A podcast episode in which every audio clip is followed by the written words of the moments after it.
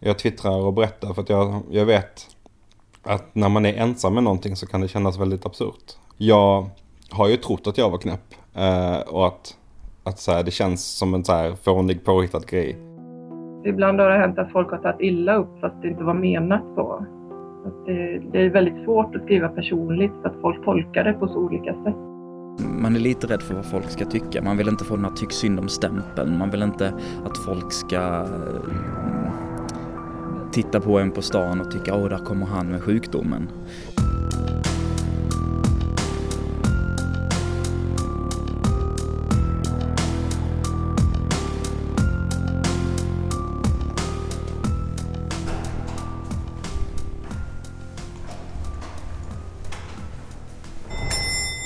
Chris Jonasson bor i en lägenhet i Malmö.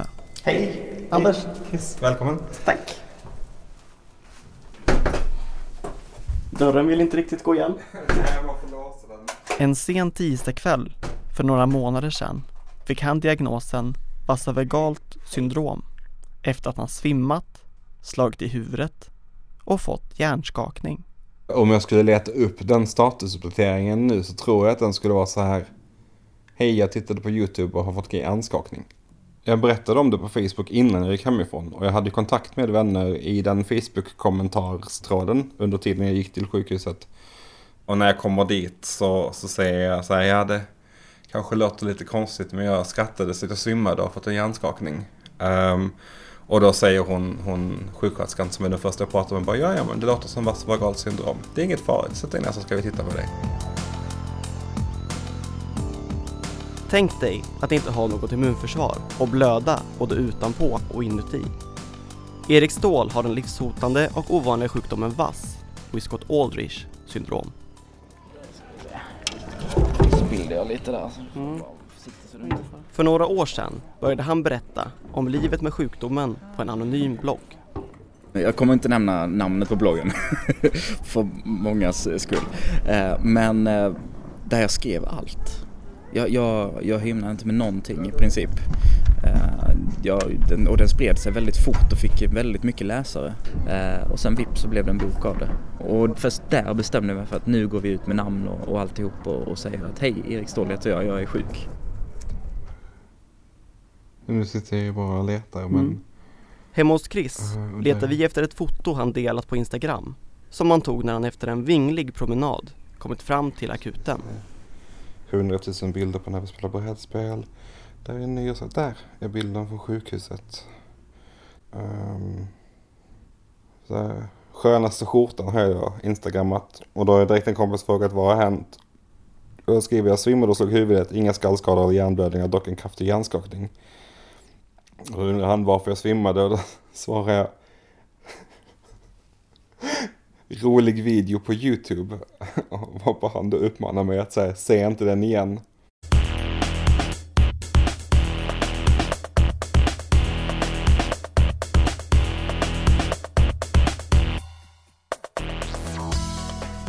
procent av Sveriges befolkning använder sociala medier varje dag. En värld som speglar stora delar av våra liv och då även våra sjukdomar. Jag skulle kunna offra allt för att bli frisk igen. System angriper sig själv med spökvirus gång på gång. Åter sjukskriven på 100% igen. Nytt försök i slutet av maj. Jag är egentligen inte svag. Jag är sjuk. Jag måste bara lära mig att jag acceptera inte mina åtta sorters piller för skojs skull. Visst förstår ni att jag kämpar. Hallå? Hejsan, det är Anders. Ja, hej. Hej. Angelica Larsson är utförsäkrad med utbrändhet, depression och ångest. Genom Twitter och sin blogg berättar hon mycket om sitt liv med sin familj, men också om det som är svårt. Om psykiska problem eller hur man mår eller saker som är jobbiga som vanliga människor inte alltid förstår. Att det är jobbigt med kanske sociala kontakter eller att ta sig ut eller bara att åka spårvagn eller vad som helst som, som man själv har problem med eller som, som inte är så vanligt så många på Twitter och så, vi ger råd till varandra. Så när vi får dålig vård eller dåligt bemötande från myndigheter, då kan vi stötta varandra i hur man kan hantera det eller vem man kan kontakta och sådär. Det är väldigt bra.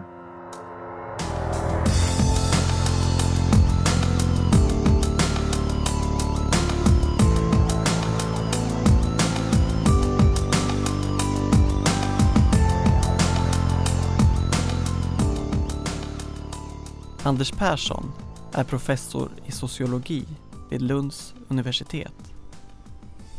Varför tror du att det är så pass många ändå som berättar om olika typer av sjukdomar väldigt offentligt? Jag tror att de eh, kan känna att det är ett bra sätt att liksom själv hantera sin sjukdom helt enkelt. Vi vill ju ha kontakt med andra människor. Vi, vi vill ju komma nära andra människor. Och för att komma nära andra så måste vi släppa dem in på oss. Så det är ju en sak att vi är sociala varelser. Va? Men ett annat skäl är naturligtvis att vi kan lätta på olika bördor när vi delar med oss av information. Eriks anonyma blogg blev en bok som blev en föreläsning och idag lever han på att berätta om sin livshotande sjukdom varje dag skapar bekymmer för mig. Nya blödningar i kroppen, i muskler, i leder, i, i olika organ, lungor, mage, näsa. Eh, igår stod jag på scen då inför ett antal hundra och pissblödde i näsan hela tiden bakåt liksom så man fick svälja undan blodet samtidigt som man pratade och det, det är inte alltid eh, helt enkelt. Någon fas i, ett sjukdomsförlopp när det gäller allvarliga sjukdomar är väl ändå att man drar sig undan och känner sig liksom ensam, övergiven Speciellt om det kanske är en där det är stor risk för dödlig utgång liksom.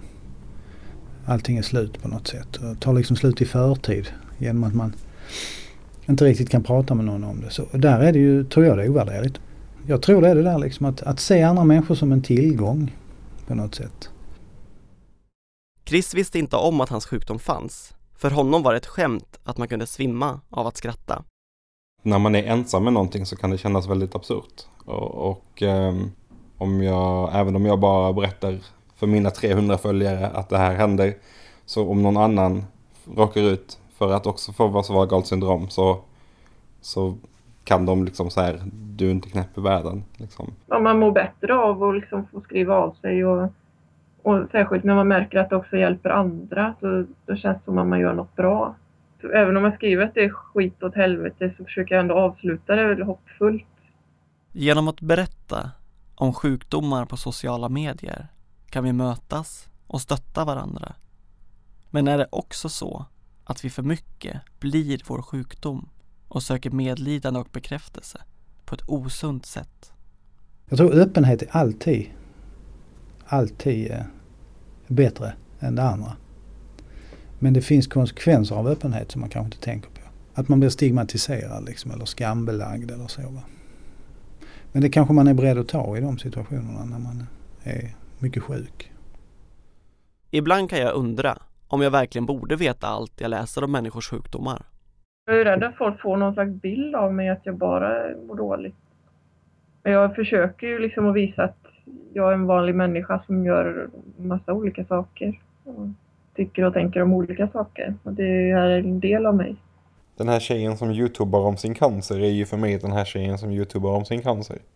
Men jag tror ju inte hon, hon började youtuba om sin cancer för att hon hon ville bli den tjejen. Man börjar liksom undra ibland vad folk tänker och borde jag verkligen ha skrivit det där eller lämnade jag ut mig för mycket nu? Eller, det är sånt man alltid går och tänker på.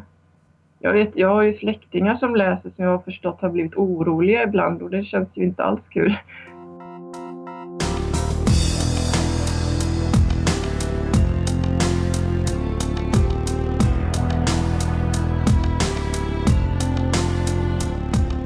Fy fan. Jag blir galen. Äckliga jävla sjukdom försvinn. Det var inte influensa utan lunginflammation. Däckad och sjukskriven. hade min tumör 90% dödlighet. Ska jag vara arg eller tacksam för att ingen sagt detta Kvällar är inte min grej, verkar det som. Panikångest. Alltså man ser ju gärna det negativa först. Eh, man, man, man, man, man märker liksom att en person inte riktigt inom citationstecken vet sitt bästa i den här situationen jag har tidigare mått bättre och nu mår jag sämre och det märks lite på det jag skriver. Det, förut var jag mycket mer positiv än jag har varit senare tid. Har du själv skrivit alltså, saker som du har ångrat? Ja, eller vissa saker kanske jag hade velat skriva på ett annat sätt. Ibland har det hänt att folk har tagit illa upp fast det inte var menat så. Att det, det är väldigt svårt att skriva personligt för att folk tolkar det på så olika sätt. Alltså den största uppenbara skillnaden är ju att man inte har någon eh, kropp i, eh, sociala medier så att säga. Och en kropp är ju aldrig tyst när man interagerar med andra. Den, den visar genom minspel, genom svettningar, genom rörelsemönster. Och den, den skillnaden mellan kropp, det kroppsliga uttrycket och det vi säger verbalt, den noterar de vi interagerar med. Angelica upplever att det ibland kan vara enklare att komma nära människor som man bara känner via internet. Alltså de jag får kontakt med på nätet, då pratar man om ganska personliga saker direkt. Det gör man inte riktigt när man träffar någon. Samtidigt så känner man ju dem inte på något annat sätt. Så det är liksom en speciell kontakt. Att man inte känner varandra och troligen aldrig kommer träffas kan göra att man öppnar upp sig. Jag frågar Erik om han brukar få negativa kommentarer på det han skriver. Jag har inte mött så mycket negativa bemärk i den bemärkelsen. Jag hade, jag hade, fick lite mail en period av, av eh, någon bitter människa ungefär i ett halvårs tid där de förklarade väldigt, väldigt hatiskt för mig eh, vilken vidrig människa jag var och hur, hur uppmärksamhetssökande jag var och, eh, och, att det bara handlade om det. Och, ja, det, det var rätt mycket elaka ord.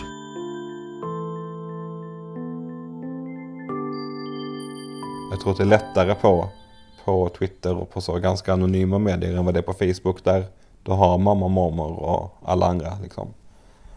Jag vet för mig så var det en sån när min, min moster började följa mig på Twitter för en vecka sedan och då blev det så här, oh, inte min fristad, kom inte in här och, och, och lyssna liksom. Eller läs vad jag skriver. Man skulle kunna tro att man tar chansen och framställer sig själv i ett väldigt positivt ljus. Där man har full kontroll på den information man lämnar ifrån sig. Va? Men samtidigt så förekommer det oversharing av information. Alltså överdelning av information. Vi delar med oss för mycket, ofta privat information. Och det är nästan som att vi blir så absorberade i det här mediet. Så att vi glömmer bort att den andra hör. Så att vi säger saker om oss själva som är ibland alldeles för privata. Så när vi har chansen att liksom teckna en bild av oss själva som kanske är odelat positiv så kan vi ibland liksom släppa ifrån oss saker som gör att den andra ser oss på ett sätt som kanske inte är så positivt. Hur orkar du med att vara så här öppen? Mm. Det är en fråga som är väldigt bra faktiskt. För det är inte alltid man orkar det. Vissa dagar vill man bara gå tillbaka till att vara Erik som inte är någon alls, som ingen känner till, eh, som ingen riktigt bryr sig om i den bemärkelsen. Ehm, man vill kunna man vill kunna gå in på nätet i fred och inte ha 300 notifications. Eh, där det är ett antal som beskriver långa och svåra sjukdomssituationer och, och även rätt så ibland rätt så intima frågor och, kring min egen situation och ibland rätt så provocerande och nästan förolämpande frågor. Eh, från folk som inte tänker steget längre. Eh, och sådär. Men det, det, samtidigt så måste man också vara realistisk i det och tänka att det här påverkar många människor positivt.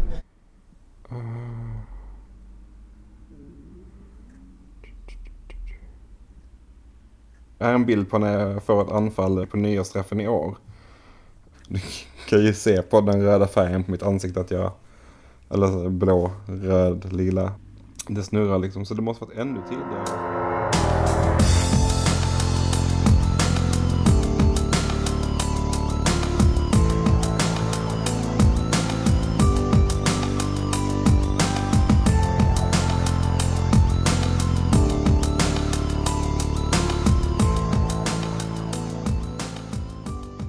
Facebook, Twitter och forum kan man hitta andra som har samma diagnos och få stöd. Jag kan tycka att det är bra med grupper annars som enar sjukdomar där du kan hjälpas åt.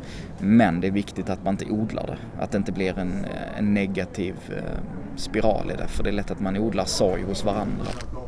Jag har varit på forum där folk har väldigt många olika slags psykiska problem och det kan ju också krocka. Vissa människor kan bete sig väldigt illa.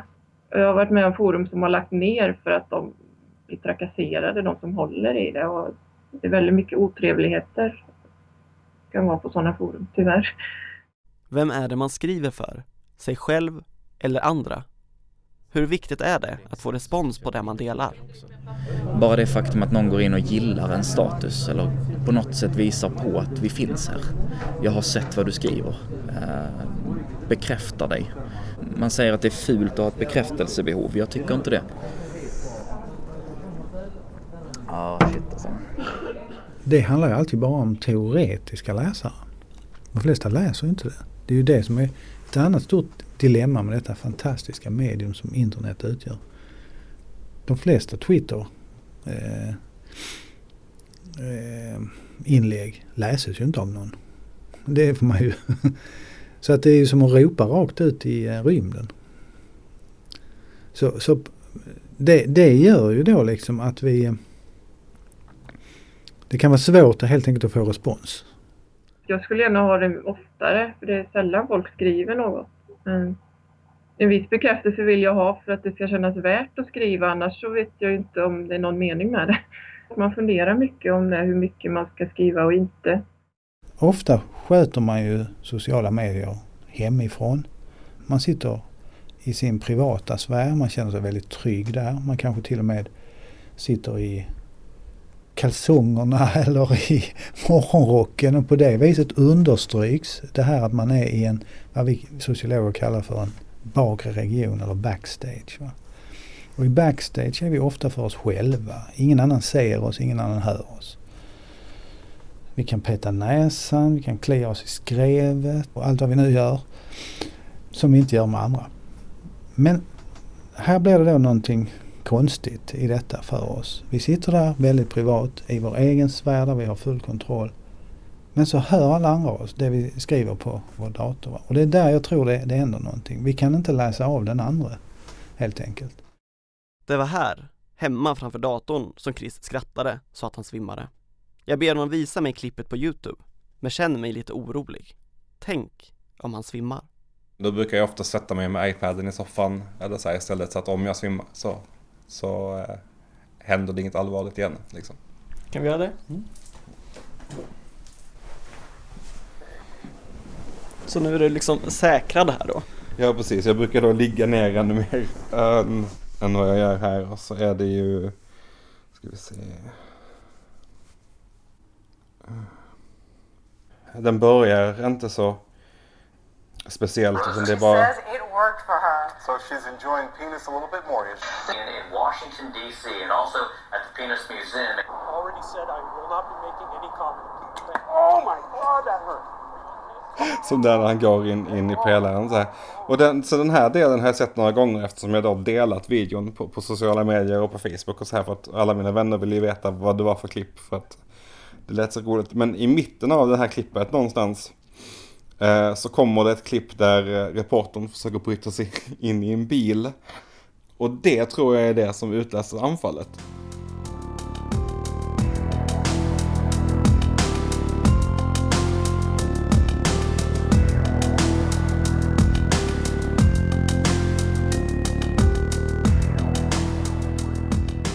Jag reagerade på en status som Erik skrivit på Facebook och läser upp den för honom. Nu är ett sånt tillfälle då jag ångrar att jag spenderade nio timmar med att bygga ihop IKEA-möbler till sovrummet igår. Armarna pulserar av blödningar från axlar och ner till fingerspetsarna och har till och med blödningar på höger pekfingerspets efter avtryckaren på skruvdragaren. Min kropp är så jävla töntig ibland. Ja. uh, ja, det var... Ehm, alltså det är ju så här, när man, när man lever med en sjukdom, en kronisk sjukdom, så gör man val som inte alltid är så bra man gör val som, eh, som pushar en själv eh, lite för mycket. Men, det, ja, men min kropp är jävligt tönt ibland. Den är lite, ja, ja, jag önskar att den var lite tuffare och lite starkare emellanåt. Tror du det finns de som blir upprörda eller som tycker att det är äckligt? Eller? Det finns det säkert. Jag skiter fullständigt i det. Nej men det är lite så, det finns så många människor som, alltså jag, jag får ju väldigt mycket likes och väldigt mycket kommentarer på mina grejer. Både på Instagram och på Twitter och på Facebook och sådär. Uh, och jag försöker lägga fokus på dem istället. Jag, jag inbillar mig att de som stör sig på mig, de som inte gillar det, de som blir irriterade och sådär. De kommer väl ta bort mig. Så det, det gäller att lägga fokus på rätt ställe. Jag läste även upp statusen för Anders Persson. Vad ska jag säga till den människan liksom? Ja, jag kan jag kan ju tycka synd om den människan men det är kanske inte det man framförallt vill. att någon ska tycka synd om en på något sätt. Va? Men här är, det, här är det ju också ett liksom dubbelt budskap. Å ena sidan så vill ju den här personen framstå som en, som en kraftfull aktör som liksom faktiskt skruvar ihop en IKEA-möbel. Det är inte alltid så lätt. Eh, men å andra sidan så ger sig sjukdomen till känna. Och där finns ju då en slags svaghet i detta. Va? Jag tror det skulle kunna vara svårt för mig att kommunicera. Eh, jag skulle ha svårt för att säga till exempel det jag sa nyss till den här personen. Varför skulle jag göra det egentligen? Varför skulle jag säga det om dubbla budskap? Jag skulle då kanske enbart bli lite tomt stöttande liksom. Det blir liksom en slags social ritual man tillämpar. Den, den är inövad. Den funkar alltid. Men den säger väldigt lite egentligen. Fick världens bästa besked nyss. Slipper benmärgsprov Varför ska cancer till? finnas? Varför ska det vara så svårt att bli av med den jävla sjukdomen? Varför? Det känns mörkt nu. Väldigt jädra mörkt. Ångest. Psykohälsa. Rutten dag, dåligt väder, krångel på skolan. Plus att man upptäckt att man inte tål sin ena astmamedicin. Tips på hur jag ska överleva När du har haft hälsan i behåll och någon ger dig HIV. Ännu en gång orkar inte trombocyterna stiga själva. Påfyllning. Tack till någon där ute. Fuck cancer. Ge blod.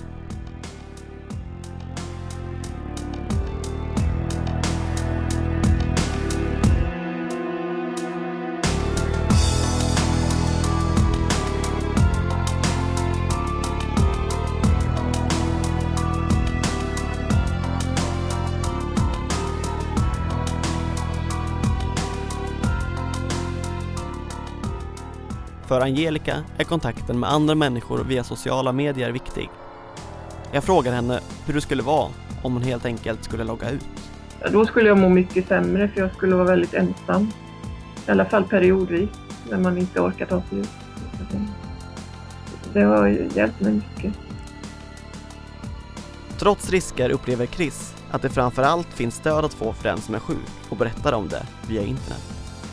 Men jag har aldrig fått, fått negativa reaktioner. Eller liksom, eh, och det är någonting som, som jag känner generellt när jag ser eh, folk twittra om, om olika saker som har hänt dem. Eller om hur deras ADHD påverkar deras liv eller hur deras Asperger påverkar deras liv.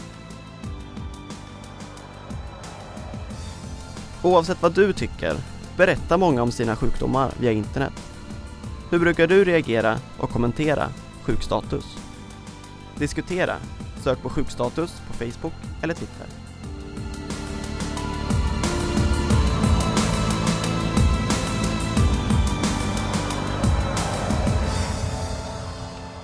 Det kan vara inte så roligt att alltid höra de där tomma kommentarerna.